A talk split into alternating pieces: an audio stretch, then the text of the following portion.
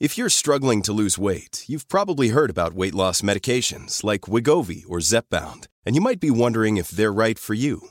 Meet PlushCare, a leading telehealth provider with doctors who are there for you day and night to partner with you in your weight loss journey. If you qualify, they can safely prescribe you medication from the comfort of your own home. To get started, visit plushcare.com slash weight loss. That's plushcare.com slash weight loss. plushcare.com slash weight loss. Want to teach your kids financial literacy, but not sure where to start? Greenlight can help. With Greenlight, parents can keep an eye on kids' spending and saving, while kids and teens use a card of their own to build money confidence. As a parent, you can send instant money transfers, set up chores, automate allowance, and more. It's a convenient way to run your household, customized to your family's needs, and the easy way to raise financially smart kids. Get started with Greenlight today and get your first month free at greenlight.com slash ACAST.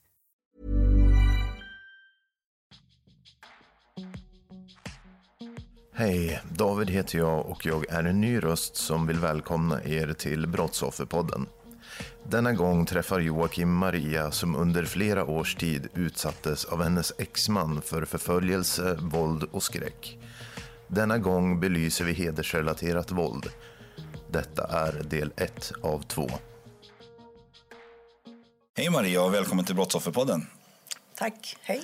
Jag är väldigt glad att ha dig med här idag. Jag sitter just nu och kollar på en av de här böckerna du har skrivit. Och eh, jag tänkte vi kanske kan komma vid, vi kanske kan komma till den lite senare. Jag tänkte att du kan börja lite och berätta om varför du sitter här i podden. Där. Ja, jag sitter här för att kanske jag har en budskap att för, förmedla till andra som bli utsatt för våld eller har varit utsatt för våld eller hedersrelaterat våld att faktiskt man ska inte stanna kvar i det där faset som har hänt i början utan det finns alltid en väg ut. Och jag vill försöka att få människorna att se ljuset fram, framför sig. Och eh, kanske det här är det största budskapet i min kamp eh, som vill ja, förmedla till andra. Ja, det låter jättebra. Mm. Men om vi ska backa bandet lite så kan vi gå tillbaks. Du är från Iran från början. Ja. Sen var det någonting som hände i Iran som gjorde så att du flyttade till Sverige. Mm. Visst var det så? Ja, ja, det var det. Och, och hur var det, sen när du flyttade till Sverige så var det att din eh, exman är idag kom hit efteråt. Kan du berätta lite om hur det var när han kom till Sverige? Ja, jo, jag, jag flydde till Sverige från Iran efter revolutionen 1979. Så att revolutionen betyder teokrati. Så att det betyder att eh, religiösa makten tog över Iran efter shahen, monarkin. Och då blev det så här att direkt, ett väldigt kort tag, några månader efter revolutionen, så började kriget, åtta år krig mellan Iran och Irak. Och under tiden regimen blev helt totalt eh, mm, eh, kontrollerade människor, kontrollerade kvinnor. Kvinnor blev tvungna att täcka sitt hår och bära slöja, vilket var, jag var emot hela tiden. Och jag hatade att täcka mitt hår. Jag tyckte att det här är eh, någon eh, kränkning och eh, kontroll över min gräns. Och det klarade jag inte av och jag kämpade emot hela tiden. Jag fick faktiskt konsekvenser både i hemmet och ute på gatan. Eh, så att min man följde regimens eh, system och det blev en av i mängden. Det blev många miljoner som blev anhängare till islamiska regimen och han var en av dem.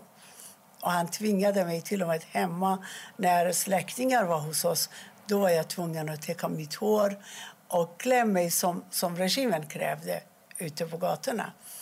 Så det var en, det var en stor skäl, en stor anledning eh, att drömmen att fly härifrån, flytta från Iran. Och, eh, men min man eh, var inte med. Han ville inte flytta. Då, eh, det hände. Vi levde i södra Iran och det var krig och det var bomber. Det var, eh, eh, Irak attackerade hela tiden, skickade raketer till våra städer. Och vi, vi fick en gång fick vi uh, vårt hem och uh, raketen skadade vårt hem. Och min son hamnade i en så apatisk eh, situation, läge för några dagar. Så han blev jätterädd. Okej, okay, nu får ni flytta. Då jag tillsammans med mina tre barn flyttade till Sverige. Och Sverige valde vi därför att mina anhöriga hade bott där, här tidigare. och eh, jag kunde en del om Sverige, hur klimatet och människorna är och så där. Så därför valde vi också Sverige. Hur var det att komma till Sverige som eh, flykting från ett krigsland och tre barn? Jo, I början var det fantastiskt faktiskt. Jag blev kär i Sverige redan från början. Så att allting var annorlunda. Jag hade levt under systemets, alltså eh, regimens kontroll i åtta, nio år. Och jag var tvungen att bära slöja och sådär. Men att se kvinnorna leva fri och landets systemet var faktiskt mycket organiserat och det förvånade mig mycket och glädjer mig mycket. faktiskt. Jag började läsa svenska redan från första veckan och försökte och, uh, njuta av det här eh, systemet, den här demokratin som faktiskt vi hade förlorat. Eller vi hade inte, under, inte ens under shahen. Shahen var diktator, men kvinnoförtrycket var inte som, som uh, islamisterna hade. Vilket och, år var du kom till Sverige? Jag kom till Sverige 1987, oktober 87. Yes. Ja. Och vad hände efter det då? Så efter det där, min man, min exman kom ett och ett halvår efter att vi kom, när vi skaffade uppehållstillstånd. Då kom han. Och Sverige blev en chock för honom. Han blev chockad och redan från början han tyckte att helvete, vad är det här för land? Han tyckte inte om Sverige eh, på grund av att kvinnor hade mycket makt och han, blev, han kände sig underordnad nu när det blev tvärtom. Eh, våra roller blev tvärtom. Så jag tog ansvar för barnen, skolan, eh, sjukvård. Eh, jag hade bankomatkort och pengarna kom till mitt konto. Han kunde inte språket. Jag blev hans, som hans tolk, översatte åt honom överallt. Så han, han kände sig kränkt och underordnad. Så därför det blev en motreaktion från honom till Sverige. Så därför han pressade, satte press på mig. Nej, nej, vi måste flytta tillbaka. Det här är ingen bra land. Um, uh, han hade inte sagt upp sitt jobb till och med för att uh, han, hans dröm var att åka tillbaka. Så därför, det, det där blev en stor del av vår konflikt. Uh, och jag motstod honom, ville inte åka tillbaka. Han ville åka tillbaka. Och det blev också en, en jätte, jätte Eh, eh, konflikt mellan oss bland alla andra konflikter som vi hade under redan från början till, till dess. Hur länge pågick den här konflikten? Ja, tills jag blev skadad. Men, eh, och ni, det var typ ständigt bråk? Ja. Och du bestämde dig för att skiljas efter ett tag? Eller? Han, var, han var rädd för Sverige. Han var rädd att jag skulle leva, bli som alla andra. Och jag hade det här sugen och suget och kapaciteten att bli en i mängden. Så att jag ville bli som de andra. Jag ville leva, bestämma över mig själv. Jag ville bestämma över hur jag klär mig, vem jag umgås med, vilken till och med utbildning som han hindrade mig att ta, utbilda mig. Jag ville välja de här själv. Men han ville inte. Han lät mig inte göra det. Han ville bestämma för att jag var hans fru. Jag var hans eh, egendom egendom. Och det klarade han inte av. att jag hade, Så småningom blev jag mycket revolutionär mot hans system och krävde och krävde och krävde och han klarade inte av. Då var han, som han påstod, han var tvungen att uppfostra mig, att slå mig, att eh, kväva mig och det gjorde han hela tiden. Och situationen blev det värre och värre. Uh, ju mer jag befriade mig från han och hans tankesätt och hans ideologi desto mer blev han destruktiv. Han blev mer våldsam. Han, blev mer, han mådde också jättedåligt. Han, han han, hade, han hamnade i en, en eh, djup depression också. Han tyckte att nej men jag är så olycklig och jag föreslog hela tiden att du får åka tillbaka och bo där och komma och besöka oss då och då. Nej, hela familjen. Han klarade inte av att jag skulle bo här och leva här. Och tänk om hon skaffar en ny man, hon lämnar mig. Hur ska jag klara av det här? Vad ska jag säga till mina släktingar? Han hade till och med dolt allt det här eh, till sina, sin, sin anhör, sina, hans anhöriga. För att eh, han skämdes att berätta för dem hur jag har blivit. Hur bortskämd jag har blivit. Hur fräckt och eh, eh oärbar jag har blivit. Och han, han klarade inte av det här. Han mådde dåligt varje dag. Mm. Jag förstod honom. Det var därför jag föreslog att åk tillbaka. Du passar bättre där och jag passar bättre här. Men det gick inte. Jag lyckades inte övertyga honom. Han ville bromsa mer er, dig och dina tre barn också. Absolut. Men hur går du tillväga då för att komma från den här äh, misshandeln och den här psykiska kontrollen? Jo, ärligt, jag var mycket rädd för honom. Han var inte ingen att skoja med. Han var orädd. Han kunde göra vad som helst. Och han var inte rädd för att bli gripen eller anhållen eller få straff. Och jag, var, jag, jag gick all, nästan aldrig till polisen och anmälde honom.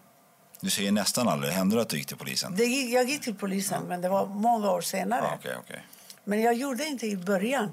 Så att jag själv var också bunden i det här bakåtsträvande kulturen som faktiskt bindade mig också. Det var inte så att jag var mycket modern och modig. Det tog tid tills jag förstod att så ska det inte funka. Han får inte behandla mig så. Han får inte kränka mig. Han får inte slå mig. Han slog mig framför barnen. Han spottade mig på ansiktet så att han tyckte att jag är en skamfläck för honom och hans familj. Och det, det samlades bara hat, hat, hat mot honom. Pratade du med någon? Det gjorde jag faktiskt alldeles på slutet. Okay. När jag kallades i sko till skolan, min yngre dotter, eh, kuratorn i skolan kallade mig och hon berättade för mig att din dotter mår jättedåligt. Hon springer hem hela tiden. Hon är orolig att komma och kolla hemmet. Även under rast, skolan låg i närheten. Hon springer hem och kollar. Vad är det som pågår hemma? Och jag berättade för henne att eh, jag, jag blir misshandlad av min dotter märker och vet och ser. Därför hon mår så dåligt. Och hon föreslog att ja, men, du klarar inte av det här i längden. Du måste söka hjälp. Hon orsakade att du sökte hjälp hos en eh, eh, psyko psykoterapeut. Och jag gick hos henne i över ett år. Och den här psykoterapeuten var räddningen för mig. Hon berättade för mig att så ska det inte funka. Du skadar dig själv, du skadar dina barn och du skadar till och med honom. Du måste lösa det här problemet, vilket sätt du får välja själv. Men det här är, det här livet är, den här situationen är farlig för hela, hela, för familjen, hela, alla. Hur Så, länge hade han varit i Sverige då? Du sa att du pratade med den här psykoterapeuten ett år. Ja. Så att, och han kom innan du började gå dit. Hur länge pågick den här äh, misshandeln? Uh, i, i, Sverige pågick nästan åtta år. Åtta år? Mm. Oj. Men då gick du till den här psykoterapeuten och hon gav dig styrkan. Vad, vad för någonting fick dig att... Eller vad var det som fick dig att... Eller vilken hjälp sökte du därifrån? Eller vad bestämde du för att göra och varför? Faktiskt, hon, hon var väldigt lugn kvinna och lyssnade på mig. Jag mådde jätte, jättedåligt. Jag fick jätteastma under tiden. Jag vet inte varifrån kommer den. Och de testade mig. Jag till och med bodde på en rehabilitering i en hel månad. De hittade ingenting som jag var allergisk mot. De sa att det här är bara psykisk astma. Det här är någonting som har, någonting psykiskt påverkar dig, att du kan inte andas. Och jag hamnade på akut, jag fick kortison, jag fick inhalationsmediciner och sen kom hem och igen tillbaka, ambulansen hela tiden. Alltså det var helvete i helheten. Och eh, jag var maktlös. Jag kunde inte göra någonting. Han, han hjärntvättade barnen otroligt mycket. mot mig. Och han kallade mig hela tiden hora, billig och eh, påverkade barnen indoktrinerade sin religion, sin tradition i barnens hjärna att så ska det funka. Och hon är inte en av oss. Jag blev isolerad till och med från min familj. Kände du på någon gång att det där var din verklighet också? När han sa de där orden tillräckligt många gånger, att du kände dig billig? Du kände dig som en? Eller du kände nej. nej, han håller på och ljuger bara? Nej, men jag, jag kunde... Jag, det värsta han, han gjorde mot mig det var att han vände barnen mot mig. Det där var det värsta och tog hela kraften från min kropp och mitt, alltså mitt själ. Så det, det blev att jag, jag, jag förminskades när jag såg på gatan att barnen vände ryggen mot mig och inte sa hej till mig, inte svarade på mig. Hej älskling! Ja, de vände ryggen och gick. Och det var mycket hårt. Mycket, mycket hårt. Så att jag ville bara dö. Han försökte att få mig tillbaka. Det här var hans vapen att få mig tillbaka. Han tog allt egendom vi hade. Vi, hade, vi köpte en matbutik. Vi hade en matbutik i två, tre år. Allting, vi sålde och lämnade allting till honom. Jag blev kvar med alla skulder. Jag lämnade hemmet. Det fanns, jag kunde noll om bodelning. Jag kunde inte. Jag visste inte att det fanns en bodelning, en vårdnadstvist, en eh, omgänge. Jag hade ingen aning om de här. Jag tyckte att det var hans rätt. Huset, hemmet, bilen, affären, eh, inredningen hemma. Allting gick till honom, till och med barnen. Det enda som jag tog hemifrån det var mina egna kläder mm. och min li lilla flickas kläder. Och gick därifrån. Men jag var beredd att dö och inte gå tillbaka. Ingenting kunde stoppa mig, inte ens barnen. Men jag blev mer och mer hatisk mot honom. Vad, gick du, vad tog du vägen då? Gick du till någon vän eller var det någon som beredde att skjuta dig? En gång när han hade misshandlat mig väldigt grovt faktiskt. Vi var från jobbet, vi jobbade på, han hade en städfirma, jag följde med och hjälpte honom. På vägen hem på garaget, jag nämnde att jag, jag vill lämna dig, jag kan inte leva med dig. Då blev han rasande och hittade en så här järnbit från bilen och slog mig inne på garaget. Och det blev blåmärken i hela kroppen. Jag bara skyddade ansiktet. Dagen efter jag var fullt med så stora, stora blåmärken på låren och benen och ryggen. Maria, var det någon som stod upp för dig? Men om han misshandlade så mycket, du sa att den läraren i skolan stod upp för dig.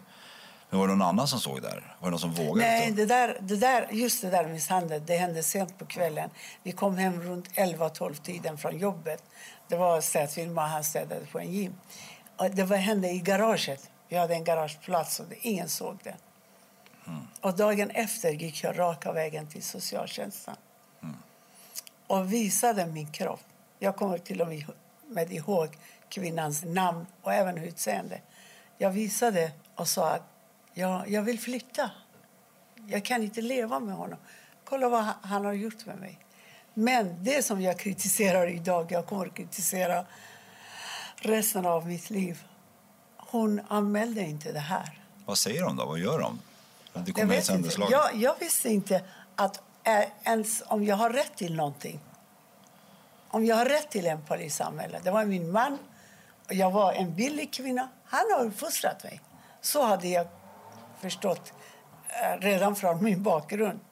Och därför, när eh, socialtjänst, där socialsekreteraren Eh, eh, kontaktade bostads... Det fanns en bostadscentrum där vi bodde. Hon kontaktade dem. Jag stod i förtur. Det var 23 december 1996, denna dagen. Det var runt omkring 23 lämnade jag min skilsmässa. Jag sa till henne jag vill lämna honom, men jag vet, jag vet inte vad ska jag ta vägen. Och hon sa att ja, du kommer att stå i förtur. Då eh, blev jag, eh, alltså, stod jag i kö för att få en bostad. Och det var, med detsamma lämnade jag min skilsmässoansökan ansökan till eh, tingsrätten. Så fort du hade fått en bostadskö så lämnade du ansökan? Ja. Nej, men jag fick hjälp av socialtjänsten och det gick ganska fort. Hur kändes det? Att du var, nu var bollen i rullning, nu skulle det kanske hända? Ja, det började hända. Men så fort han förstod att Eh, alltså, jag lämnade ansökan till skilsmässa och det kom brev hem till oss, till honom. Och han rev den, han bråkade, han slog mig, han skrek. Till och med en gång han skulle kväva mig, döda mig. Och um, det, var, det, det, var helvete. Det var bara helvete. Men jag, jag var bestämd. Jag ville, inte lämna, jag ville inte leva med honom. Och då när jag fick besked att jag fick en lägenhet, jag kunde flytta första juni 1997. Då var jag jätteglad och lycklig. Och då sa jag till honom, jag flyttar. Och du vet, du kan tänka dig vilket helvete det blev. Mm. Mycket bråk och skrik och barnen och... Men var det första barn... gången du sa att du skulle flytta från honom? Var det första ja, just när jag fick lägenheten, ja. då sa jag till honom. Det var mars. Jag fick eh, besked att eh, eh, skilsmässan var nästan klar vid den perioden. Och beskedet fick jag i april att jag kunde flytta in i, i juni, första juni. Och då berättade jag för honom att eh, jag kommer att flytta. Vad hände då? då? Mer ja, det var, det var helvete. Hela tiden var det var bara... Han grät ibland. Han slog mig ibland. Han bad om ursäkt ibland under tiden som jag bodde där. Och eh, jag jobbade. Min bror var arbetsledare på ett hotell någonstans i Bro. Och jag, jag jobbade hos honom. Han gick och hotade min bror att du får sparka henne. Nu har hon bra ekonomi, nu tjänar hon sina pengar. Nu kommer hon att lämna mig. Och han till och med hotade min bror att skulle explodera hans bil, betala någon och döda honom. Och han hotade mig, han hotade mig att kasta syra på mina ben. Inte ansiktet, det tänkte jag aldrig att han skulle skada mitt ansikte. Han hotade min andra bror. Han hotade att bet kommer att betala och kidnappa mina, mina syskons barn i Iran. Så att han, var, han hade mycket inflytande i Iran. På det sättet han förs försökte han att hindra mig att Men, lämna honom. Var du någonsin på väg att stoppa skilsmässan eller var du bestämd?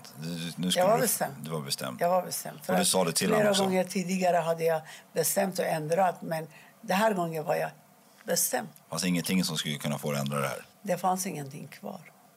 Jag hatade mig själv. Jag kände inte igen mig själv i spegeln. Jag tittade på mig i ansiktet och, och sa jag, alltså, att jag hatar mig själv. Jag kan inte leva så här.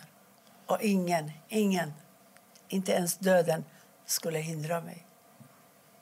Jag sa till honom, du får gärna mörda mig. Du får mörda mig. Hellre att dö än att leva i en sådär helvete.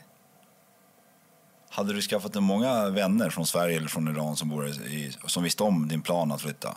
Nej, vänner var bara de familjer som han godkände. Det var okay. fyra familjer som var hans vänner också. Jag fick inte umgås med ensamstående kvinnor eller ensamma kvinnor. Så vi hade några familjer som umgicks med. Är det vanligt bland, typ, vi tar, nu är du från Iran så vi tar det som ett exempel, men är det vanligt för iranska kvinnor som kommer hit att det är så? Det är inte vanligt. Men du vet, kvinnan är underordnad, för det mesta är det i, i religiösa länder som styrs av sharia-lagar. Man måste kunna den här religionen och den traditionen och den kulturen är inte enstaka. De är mycket påverkade av religionen. Och religionen hade mycket styrka i, i, i Iran. Och religionen betyder sharia-lagar. Och i sharia, inom sharia-lagar kvinnans värde är hälften. Kvinnan är till för att föda barn, för att tillfredsställa sin make sexuellt, för att laga mat. Ingenting annat. Det finns inga andra krav på kvinnor. Jag pratar om sharia-lagar. Jag pratar inte om kampen som kvinnor förde och, och kämpar för att, eh, för att rädda sitt liv och, och ta av sin slöja. Slöja, till exempel. Det är en kontroll över kvinnans kropp kvinnans sexualitet. Och det här kommer från religionen, från sharia-lagar. Gick och du det... med slöja när du var här i Sverige? Eller? Jag var, alltså, man hade inget val. Det var obligatoriskt. Till och med våra ministrar åker till Iran. De tänker sitt hår när de åker till Iran. Okay. Ja, det var, det var obligatoriskt. Det var ingenting man väljer själv att ta av eller ta på när man vill. Det är någonting som ingår i systemet och ingår i, i regimens system. Ja, det är lag. Ja, ja. Men om vi går tillbaks till att du har förklarat för han då att du flyttar. Du, har fått en, du är på väg att få en lägenhet. Skilsmässan är på gång att gå igenom. Mm. Hur går ni eller du vidare där? Vad är det som händer efter det? Jag flyttar första juni. Vilket år är det? Första juni? 87. 80, förlåt, 97. 97. 97. Mm. Och då har du varit i Sverige cirka tio år? Ja, jag var i Sverige cirka tio år. och han har varit här åtta? Ja, han var uh, åtta och ett halvår. Han kom ett och ett halvår senare. Och uh, första juni fick jag lägenheten. Och uh, då fick jag nycklarna och allting. Stor, lägenheten var stor, det var en stor trea. Och min avsikt var att barnen kan bo hos mig då och då också när de vill.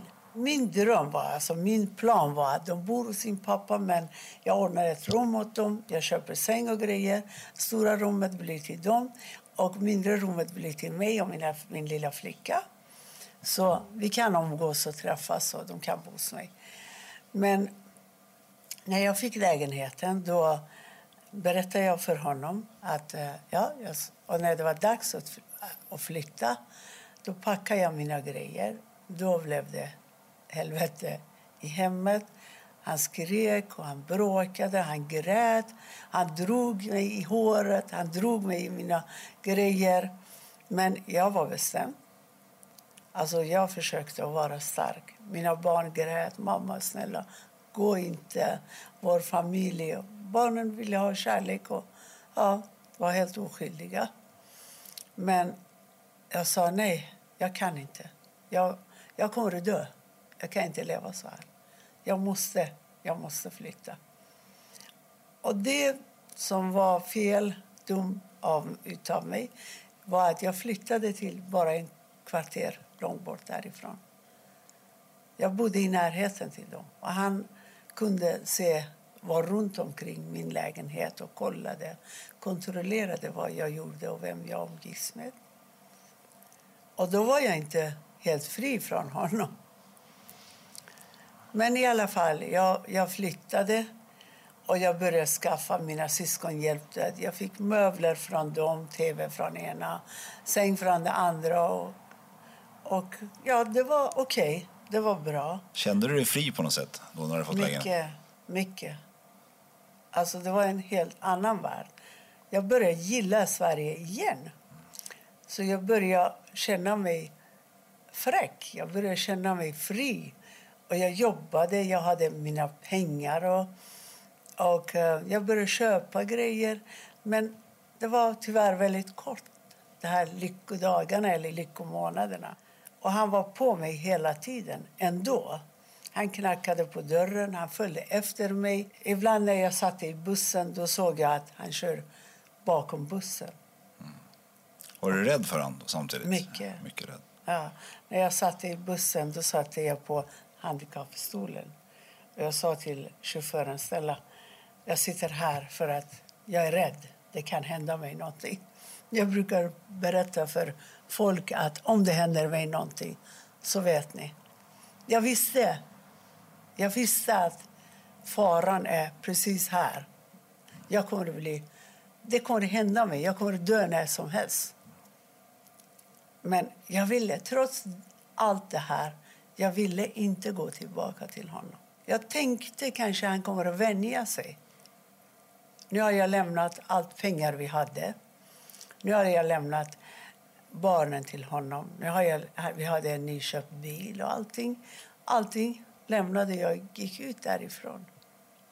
Nu kanske lugnar han ner sig och låter mig vara och skaffa en kvinna, en ny kvinna. Och jag kan leva ett, ett värdigt liv. Men... Så blev det inte riktigt? Det blev inte. Ja, vad hände då kort efter där? En gång, sent på kvällen, ringde han och sa kan du komma ner? Jag vill prata med dig. Jag och min lilla flicka var hemma. Klockan var efter nio. Jag skulle till jobbet tidigt. Jag gick till jobbet klockan sex på morgonen. Jag sa nej, jag ska upp tidigt. Jag kan inte komma ner. Snälla, snälla, snälla kom ner. Jag vill bara prata med dig i några minuter. Kom ner till porten. Jag gick ner till porten och sen helt plötsligt han fick tag i mig min hals. Han tog en kniv och stoppade i halsen på mig. Ja, jag vet att du träffar en man. Jag vet att du har en man där uppe. Men jag lovar, på pappas grav, han brukade alltid svära på pappas grav. Ser jag dig med någon, någon man, med någon, någonstans, jag lovar att jag skär halsen av dig med den här kniven. Och han höll på att hota mig. Då kom min dotter barnfotande. Vad är det mamma? Vad hände? Och han blev rädd och stoppade kniven i fickan. Nej, ingenting. Jag bara pratade med din mamma. Och då, den här lilla flickan hade räddat mig flera gånger. Alltså hon har räddat mig flera gånger när han hade planerat att skada mig. Då hade hon kommit precis i tid och räddat mig. Mm. Men dottern kommer ner och räddar ditt liv där. Och, eh, hon har gjort flera gånger. Flera gånger. Jag är så tacksam. Hon, är, hon var en jättemodig tjej. Jag måste berätta en annan händelse som är kanske minst lika viktigt i den här intervjun. Det var 28 augusti, augusti 1997. Han ringde mig och sa att kan du komma hem till oss? Det var min äldsta dotters födelsedag den 30 augusti. Och vi hade ingen chans att fira hennes 18-årskalas. Han ringde mig och sa kom snälla, eh, jag vill planera med dig att, om att vi gör, en, eh, gör någonting för vår dotters födelsedag. Och jag vägrade. Snälla, kom. Och min lilla flicka, nej mamma, gå inte, gå inte. Det, du fattar inte, han är farlig. Nej, nej, men vad ska han göra framför dig och de andra barnen? Vi går tillsammans. Okej, okay? men lova, att mig, lova mig att du ska inte gå någonstans. Jag sitter bredvid dig och vi pratar och sen går tillbaka. Hon var alltid så där på vakt efter att se uh, vad hände med mig. Och just den kvällen, vi gick hem till dem, vi promenerade hem till dem. Och jag, sitter, jag hade kommit från jobbet, jag var jättetrött. Och jag satt i soffan. Okej, okay, säg vad du vill. Vad, vad vill du? Ja, och han skickade barnen till balkongen och låste dörren inifrån. Och då, då gick till köket och gjorde te och kom tillbaka till vardagsrummet. Teen i en mugg. Det visste han att jag hatade att dricka te i mugg. Jag ville ha te i glas för att se färgen på te. Men teen i muggen, det, det var jag lite... Jaha, vad är det här? Jag fick te i mugg. Och jag brukar inte dricka på det sättet. Men i alla fall, för att bli av med hans tjat. Varsågod, ta din te, drick din te. Okej, okay, då drack jag min en klunk och ställde den på bordet och somnade direkt. Mm. Och somnade på sekunder. Jag vet inte, 20 sekunder, 30 sekunder eller mindre. Då somnade jag direkt. Och då går han och ropar på barnen. Kom in, mamma var jättetrött. Hon har somnat. Men ingen trodde på honom. Alla barnen började skrika. Mamma, mamma, vakna. Och jag, jag sov bara. Jag sov i 15 timmar. Oj. Dagen därefter på eftermiddag vaknade jag. Och då började barnen skrika. Nej, mamma är jättetrött. Låt henne sova. Och lilla flickan, nej vi ska hem. Hon ska till jobbet. Jag ska på hon skulle till på utflykt dagen därefter. Och sen så... Och barnen hotar henne, honom. Och de lägger mig på golvet, på en madrass på golvet. Och båda flickorna sover på min, sidan om mig. Men han går och sover på, vid entrédörren för att han var rädd att vi ska vakna och rymma därifrån. Han hade planerat att kidnappa mig till Iran. Han hade till och med skaffat en rullstol i sin bil för att ta mig dit och sätta på rullstolen och sen köra mig till flygplatsen och åka till Iran. Eller flyga till Iran tillsammans med mig. Barnen räddade dig kan man säga. Ja av min lilla flicka och barnen. Och sen, jag, jag ligger och sover fortfarande. Tidigt på morgonen går upp min lilla flicka och skriker som vanligt. Du får köra mig och min mamma hem till oss. Annars ringer jag polisen. Hon, den där lilla flickan hade mobil hela tiden. Annars ringer jag. Hota, hota. Ring jag om du inte ring, eh, kör min mamma till vårt hem. Då bär de mig. Jag var så medvetlös så att under tiden jag hade kissat på mig och hade ingen aning. De bär mig in till bilen och kör mig hem till mig. Och där ringer min dotter till min bror. Och han kommer och de kör mig till vårdcentralen. På vårdcentralen märker de att det finns en jättestark sömnmedel. Jag vet inte vad den heter, men det står i journalen. If you thought the only way to get a more defined jawline with natural looking results was through surgery, think again. Juvederm Volux XC is a non surgical injectable gel filler that improves moderate to severe loss of jawline definition and can help you achieve natural looking results with little downtime. Even better, this improved definition lasts up to one year with optimal treatment. No maintenance required. Improve jawline definition for a smooth, sculpted look with Juvederm Volux XC. For important safety information and to find a licensed specialist, visit juvederm.com. That's J U V E D E R M.com. Not for people with severe allergic reactions, allergies to lidocaine, or the proteins used in Juvederm. Common side effects include injection site redness, swelling, pain, tenderness, firmness, lumps, bumps, bruising, discoloration, or itching. There's a risk of unintentional injection into a blood vessel, which can cause vision abnormalities, blindness, stroke, temporary scabs, or scarring. Talk to a licensed specialist to find out if it's right for you. Ready to start talking to your kids about financial literacy? Meet Greenlight, the debit card and money app that teaches kids and teens how to earn, save, spend wisely, and invest with your guardrails in place. Parents can send instant money transfers, automate allowance, and more. Plus, keep an eye on spending with real time notifications. Join more than 6 million parents and kids building healthy financial habits together on Greenlight.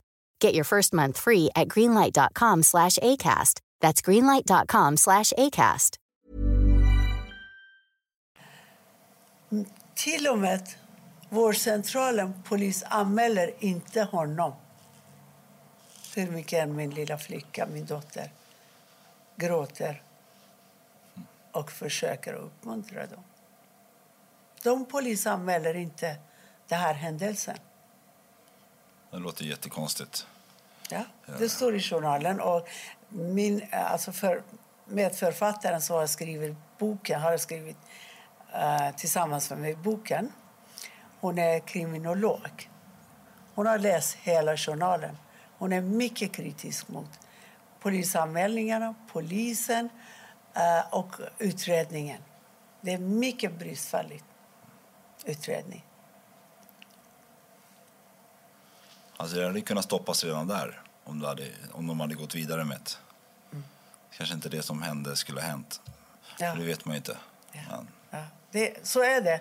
Det är därför jag är så besviken och jag är så kritisk mot systemet. Och jag tycker att många, många liv försvinner. Eller många kvinnor utsatts på grund av brist på kunskap eller oengagemang. Eller att ja, deras kultur blandar inte oss i. Vi kan komma tillbaka till det lite senare. För att Det är ett jätteintressant ämne också som behöver verkligen belysas. Som behövs göra någonting åt. Mm, mm. Men eh, efter den här knivincidenten nere vid porten när din lilla dotter kom och stoppade din exman. Ah. Vad hände strax efter det? Ingenting. Jag gick upp och la mig. Och dagen därefter vi fortsatte som vanligt. Men han var på mig hela tiden. Han, jag bodde, häromdagen, jag och, och uh, Daniel, killen som fotograferade mig. Vi åkte på samma plats. Jag visade honom vart brukade han gömma sig för att se direkt in i min kök. Han gömde sig på Jag hade ingen gardin och jag bodde väldigt fattigt. Han gömde sig i buskarna precis som han kunde se min vardagsrum, min kök och min sovrum. Han kunde se igenom lägenheten. Han spionerade hur jag lever om jag umgås med någon eller om någon människa, man eller kvinna, besöker mig. Hur länge bodde du i den här lägenheten? Innan? Fyra månader. Fyra månader. Mm. Inte ens det, lite mindre. Lite mindre. Mm. Vad var det som hände i slutet av de där tre, fyra månaderna? Ja, jag bodde där och jag gick till jobbet klockan sex och kom tillbaka klockan fyra. Och min dotter gick i skolan. Men som sagt, han var på mig. Efter den där droghändelsen, två, tre dagar senare gick jag till jobbet. Det var helg, lördag, söndag och så måndag gick jag till jobbet. Och så mina arbetskamrater de var helt häpna. Vad har det hänt med dig? Varför ser du, ser du ut så här? Dina läppar hänger, dina ögonlock hänger. Det känns som om du har drogat. Har du knarkat? Nej, knark. Jag, jag, har, jag gör inte. Men du, du ser ut så. Och jag har berättat för dem. Och ja, men du måste anmäla honom. Han kommer att mörda dig. Fattar du inte? Hur kan du vara så trög, sa min väninna. Och sen de försökte, de, de uppmuntrade mig helt enkelt. Från jobbet gick jag direkt till polisen. Det fanns en polisstation i närheten till oss där jag steg av från polisen. När jag skulle gå in i polishuset då satt han utanför polisen och väntade på mig. Mm. Och började grina och gnälla. Och, Snälla, gör inte. Jag kommer att bli utvisad och jag kommer att bli si och så. Jag kommer att hamna i fängelse. Och då sa jag okej. Okay. gick jag hem. Och därifrån ringde jag till polisen. Hur svarade polisen då? Då berättade jag för polisen att eh, han har drogat mig. Det finns bevis hos vårdcentralen och allting. Men jag vågar inte gå till polisen. Han följer efter mig. Jag vågar inte göra det. Då kom två polis, kvinnliga poliser hem till mig. Och sen därefter fick jag en så överfallslarm. Mm. När jag, om jag känner mig hotad, då kunde jag slå larmen. Men det blev ingen förhör, förhör när, när jag berättade att han hade drogat mig. Ingen förhör. Kändes det som om de trodde på det? Var de tillmötesgående? Var de... Tydligen de gjorde det för att jag fick ett överfallslarm. Annars hade jag inte fått ett larm. Jag hade larmen i väskan när jag fick syra i ansiktet. Mm. De till och med lärde mig du slår den här knappen, där, här är koden direkt. Vi kommer inom eh, tre till fem minuter till och med. Men ingen förhör, ingenting, ingen arrestering, ingen, ingen. Sa de varför att det inte blev någon förhör? Jag vet inte. Jag, jag var helt omedveten, okunnig om svenska rättssystemet. Det var allra första gången jag hade Eh, gått hos polisen och polisanmälde och den här processen. Jag kunde inte. Jag trodde poliser i Sverige är som poliser i Iran. Vi var rädda för poliser. Vi gick alltid, aldrig i närheten till poliser. Poliser var farliga. Du kunde bli arresterad på vad som helst. Och jag trodde att poliserna i Sverige var precis samma sak. Vad hände då strax efter en anmälan? Överfallslarmet. Kände du dig tryggare då? När hade du... Ja, på, jag berättade för honom. Jag sa till honom. Han ringde och trakasserade mig, kom och knackade på dörren och allt möjligt. Jag sa att jag har ett larm i, i min väska. Om du kommer i närheten till mig, då slår jag larmet. Men vet du vad han sa alltid? Ja, jag skiter i polisen. Polisen i Sverige, de gör ingenting. Jag dödade jag sitter i fängelse två, tre år. Sen kommer jag ut. De gör ingenting. Hur kändes det att han sa så? Ja, han sa alltid. Han sa, jo, men polisen i Sverige, de gör ingenting. De är snälla. Och, och fängelse är som ett hotell. Han var inte rädd för polisen. Blev det, att det kändes som att det spelar ingen roll vad du sa, han skulle ändå inte ändra sig? Mm. Nej, jag sa till honom att jag har larm. Då sa han, men han slutade aldrig att följa efter mig. Han slutade aldrig att skada mig. Han slutade aldrig att hota mig. Det hjälpte inte att berätta för honom att jag hade en, ett, ett överfallslarm. Var det jobbigt att han inte på något sätt eh, backade bort eller på något sätt respekterade din Det var jobbigt. Det var jättejobbigt. Alltså, när jag skulle passera gatan jag tittade tio gånger om han skulle köra över mig och döda mig. Och när jag satt i bussen, när jag var bland folk, alltid var jag försiktig. Jag visste att någonstans, så att han jobbade inte, han slutade jobba också. Jag visste att han överallt be, bevakar han mig. Han var koll på vad jag gör. Vi hade Vår lägenhet hade två dörrar. Och vi låste dörrarna inifrån. Och vi hade en sån tjock gummirep. Och vi stängde, alltså knöt räparna från ena låset till andra låset innan vi går och lägger oss. Så oroliga var jag och min dotter. Hur gammal är din dotter vid det här tillfället? Nu var, då var hon 13 år. 13, okay. Mm. Men vad händer efter det här då? Hur går ni vidare? Alltså, det var inget vanligt liv. Jag umgicks med bara kvinnor och bara i hemmet. Jag vågade inte göra någon aktivitet. Och jag jobbade. Jobbet var bästa räddningen för mig. Under tiden jag var på jobbet då visste jag att det här är, områden är trygg. Här kommer han inte skada mig. Här kommer han inte synas. Han vågar inte komma i närheten.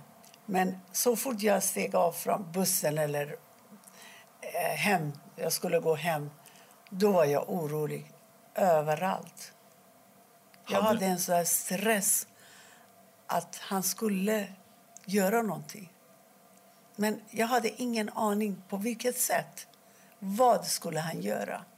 Hur skulle han skada mig? Och eh, uh, 19 september 1997 då ringde han mig och bad att jag skulle träffa honom. Denna kvällen var jag hos min väninna, hemma hos min väninna. Och jag sa nej, jag vill inte. Alltså telefonen ringer. Jag svarar, det är han.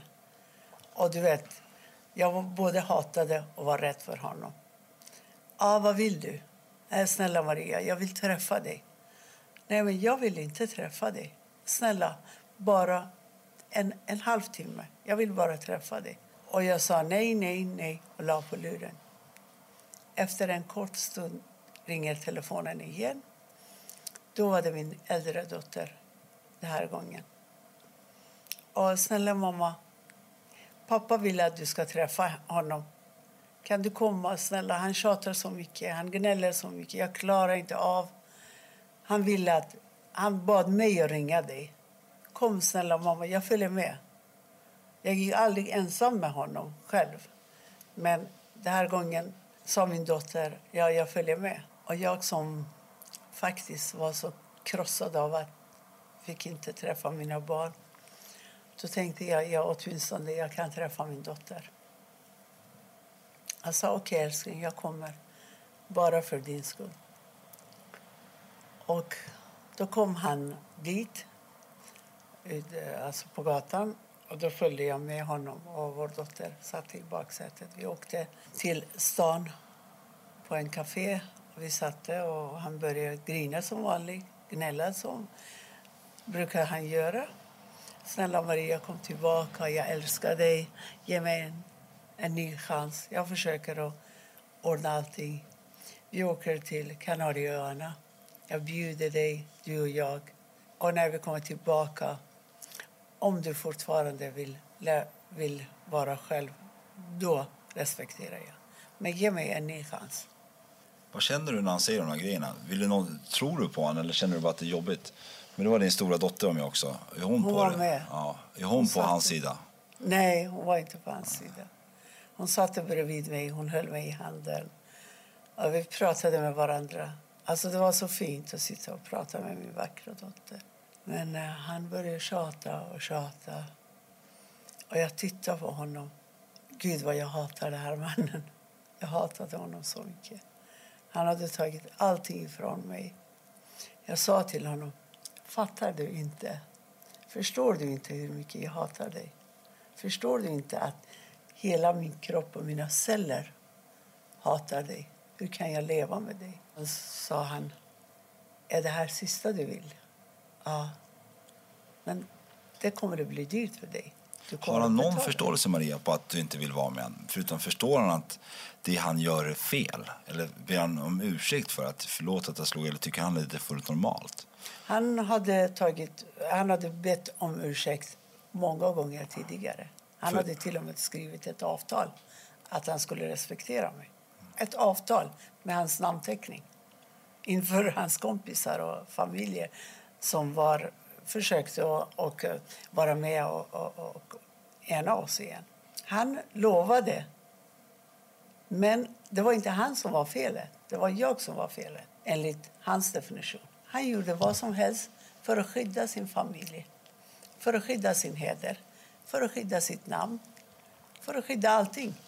Det var jag som inte respekterade. Det var jag som var, som var billig. Det var jag som var en, inte en ärbar kvinna som var en av hans krav. Det var jag som skämde ut honom inför hans kompisar, vilka de var, det var som honom. Det var jag som förstörde hans namn. Och hans teori var att jag hade, det fanns möjlighet att han kunde förändra ändra på mig. Förändra min tankesätt och min eh, frigörelse. Och på det sättet tyckte han att han kunde ändra den här situationen. Han kunde göra en bättre kvinna av mig. Han brukade säga jag har jobbat för dig. Jag har kämpat för att göra en bra kvinna i 18 år och nu vill du lämna mig. Men eh, där på kaféet säger han i alla fall att det kommer att bli dyrt för dig. Jo, han sa men det kommer att bli dyrt för dig. Och jag tittar på honom. Alltså, hans min. Ansiktet. När han hade någon plan då tittade han inte på mig eller sa ingenting. Och, och helt plötsligt ansiktet förändrades. Och då såg jag det på honom, på den här minen. Då fattade jag han har någon, någonting i tankarna. Han har någon plan. Då fattade jag att varför tog han mig till stan? Då är det någonting som är på gång. Men jag hade ingen aning. Vad kunde det vara? Blev du rädd? Jag tänkte, jag var rädd, men dottern var med. Min dotter var med, satt bredvid mig och vi pratade. Vad skulle han göra? Hur skulle han skada mig? Han kan inte skada mig framför min dotters ögon. Det var det som var min trygghet och lugnade ner mig. Att åtminstone inte den här gången. Men varför tog han oss dit? Och han ljög för min dotter. Han sa att jag har bokat bord för att äta middag med dig och din mamma. Fast det var lögn. Vi satt på en café. Och sen när jag sa nej, jag vill inte komma tillbaka. Jag, jag vill leva själv. Jag kan hjälpa dig. Vi kan samarbeta med för att ta hand om barnen. Men jag kommer aldrig tillbaka till dig. Då sa han, men du kommer att ångra dig, sa han till mig.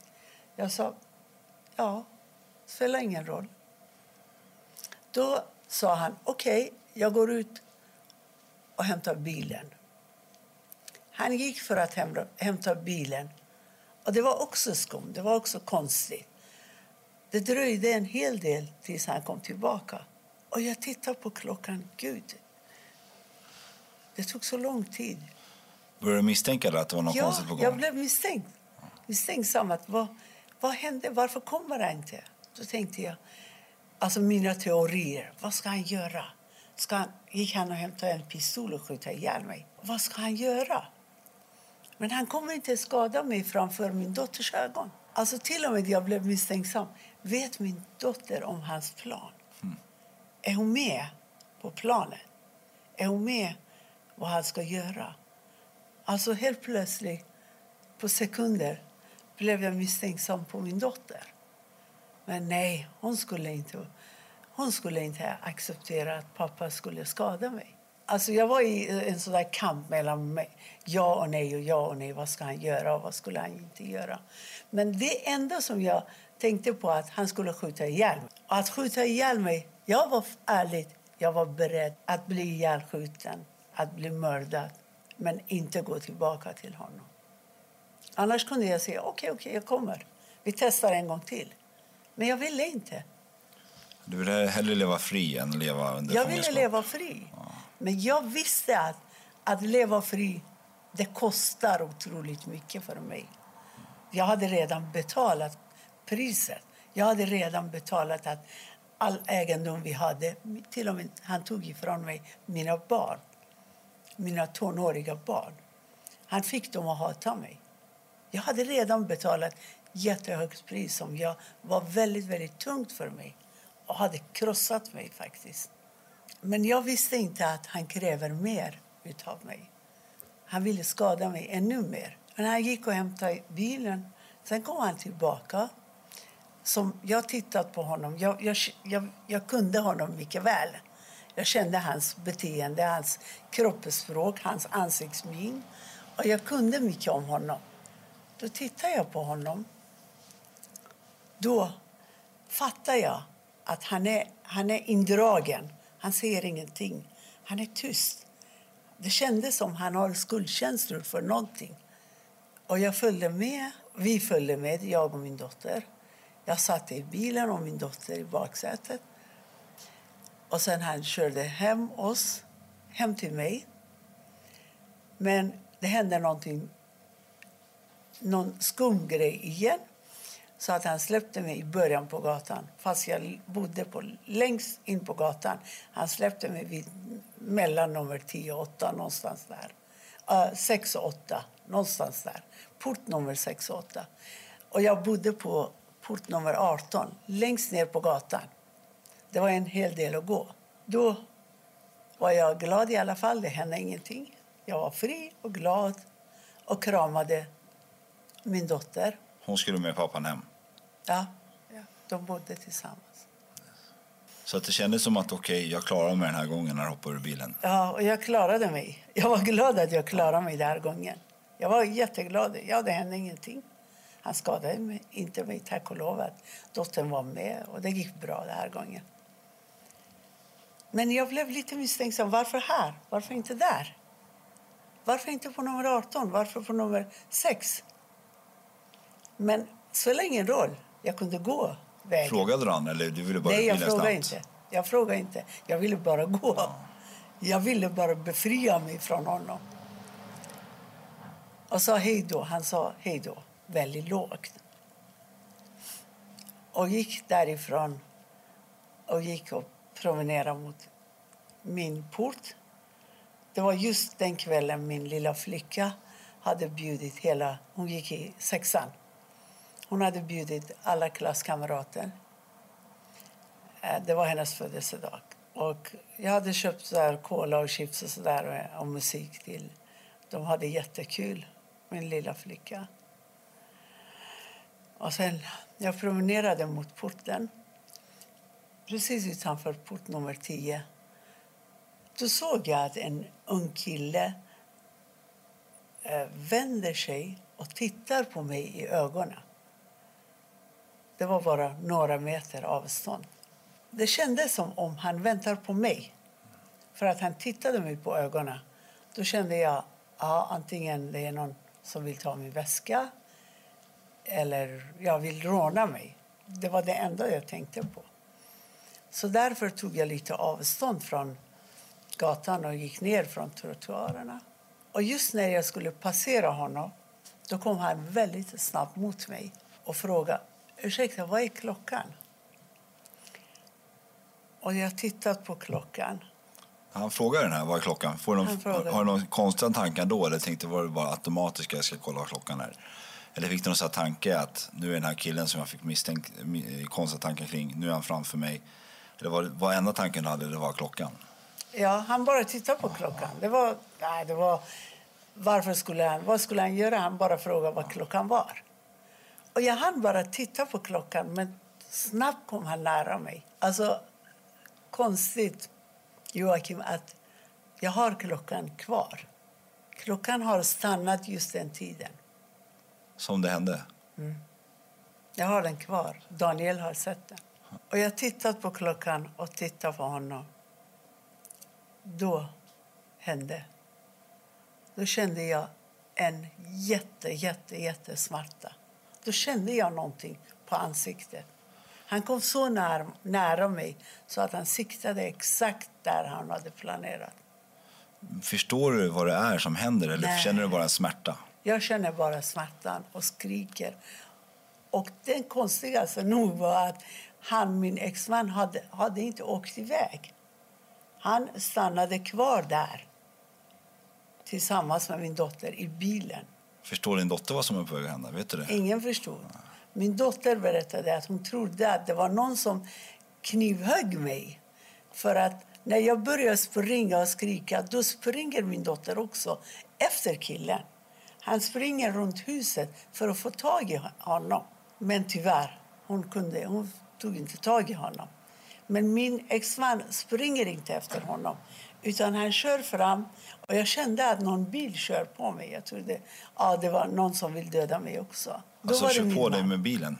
Ja, han körde fram och då körde, alltså jag kände bilen på mig. Och då var det min exman.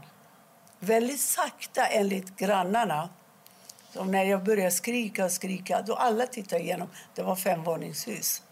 Alla tittar, vad hände? Och även min dotter, lilla flicka och hennes klasskamrater.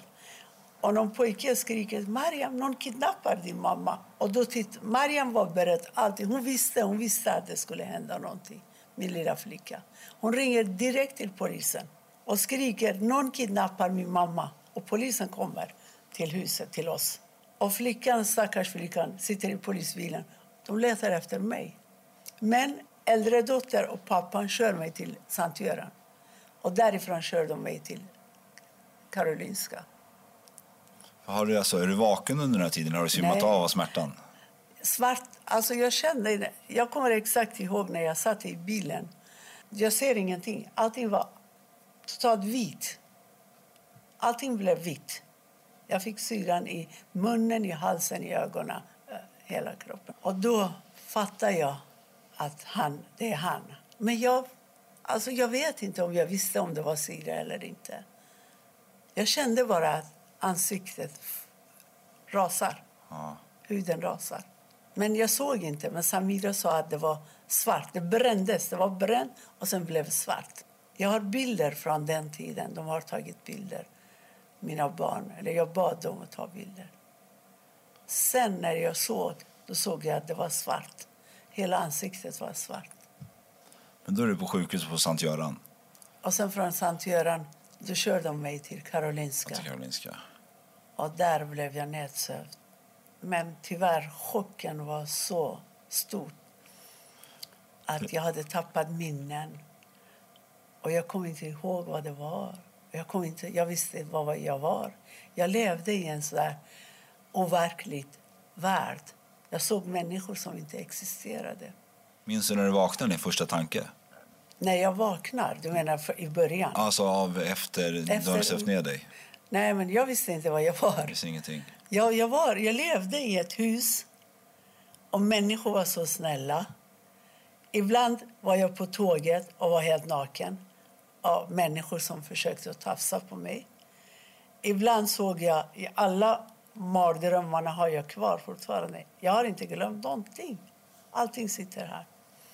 Ibland satt jag i en bordellhus och det var en, en kvinna som skickade mig till olika män och jag grät. Jag sa men jag, jag vill inte prostituera mig. Jag är mamma. Jag har tre barn. Jag vill inte, jag vill inte bli så här behandlad. Och hon sa hela tiden nej, nej, men det här är sista. Jag lovar, det här är sista. Och i det där bordellhuset doftade religion. Doftade... Alltså jag hade henna på händerna. Och det var täckt av mattor och doftade typ... Eh, det finns en speciell doft i, i heliga städer. Den där doften kände jag när jag satt i det här rummet. Minns du hur länge det här pågick? Hur länge det var i det här typ, drömstadiet eller vad man ska kalla det?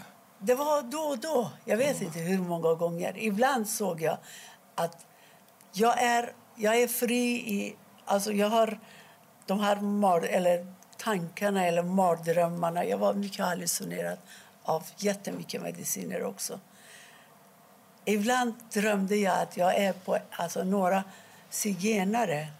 Zigenare har en jättegammal historia i Iran.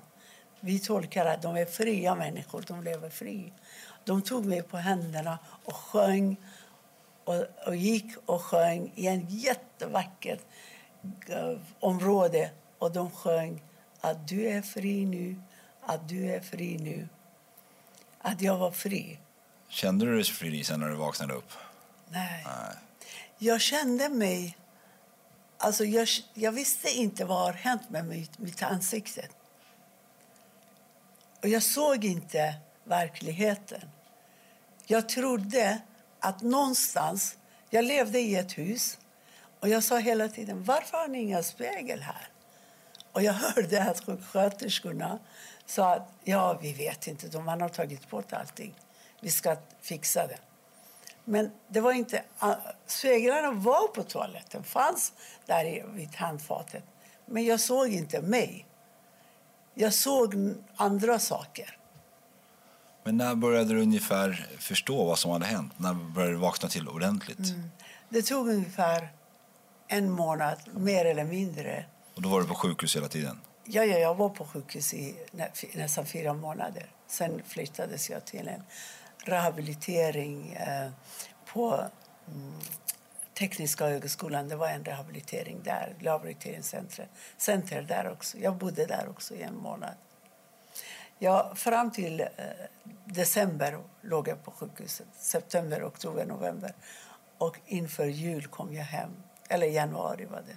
Men när, när du väl började förstå vad som har hänt, vad var dina tankar då? När du började förstå att jag har fått syra i ansiktet och var troligtvis min exman. Jag kommer ihåg. Jag hade en väninna, hon och hennes mamma kom och besökte mig. Hon bjöd mig på pizza. Och efter pizza jag gick för att tvätta händerna. Och då såg jag mig. Då såg jag mig i spegeln. Såg jag, alltså de hade rakat mitt hår. För att håret var mycket förstört här också. Inte bara det, de hade till och med transplanterat hud från håret, från huvudet till ansiktet. Eh, då såg jag mig i spegeln. Vad tänker du då? Det var, det var en kvinna. En kvinna med rakat hår. Det var en kvinna, ett helt annat ansikte. Alltså de hade lappat ihop ett ansikte som var fullt med ärr. Men jag såg henne. Jag såg den där kvinnan. Och det var jag. Vad var tankarna då? När du insåg att det här är jag? Det här är konsekvenserna av mitt mansbeteende, eller exman? Det var djup sorg.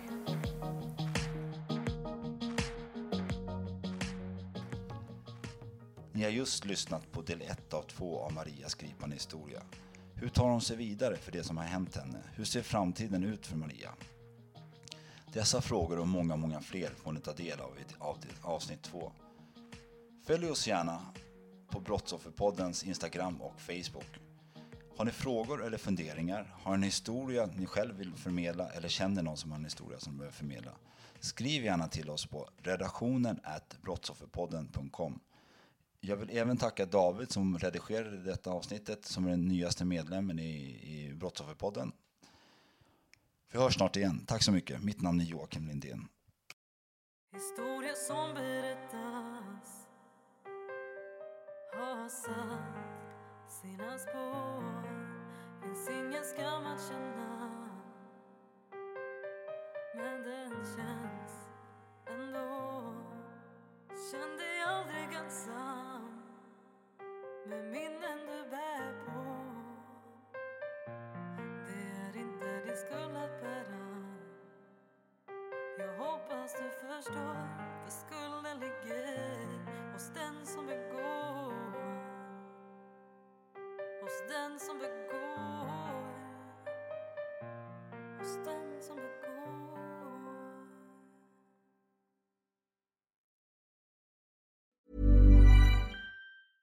Hello, this is Danny Pellegrino, host of the Everything Iconic podcast, and I'm here to tell you all about Splash Refresher because hydration is mandatory but boring is not.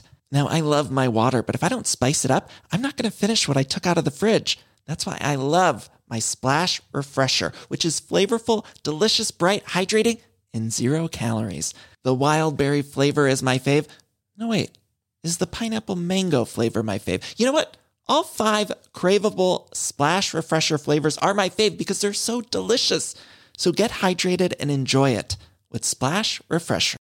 Imagine the softest sheets you've ever felt. Now imagine them getting even softer over time. That's what you'll feel with Bowl and Branch's organic cotton sheets. In a recent customer survey, 96% replied that Bowl and Branch sheets get softer with every wash. Start getting your best night's sleep in these sheets that get softer and softer for years to come. Try their sheets with a 30-night guarantee. Plus, get 15% off your first order at bowlandbranch.com. Code BUTTERY. Exclusions apply. See site for details.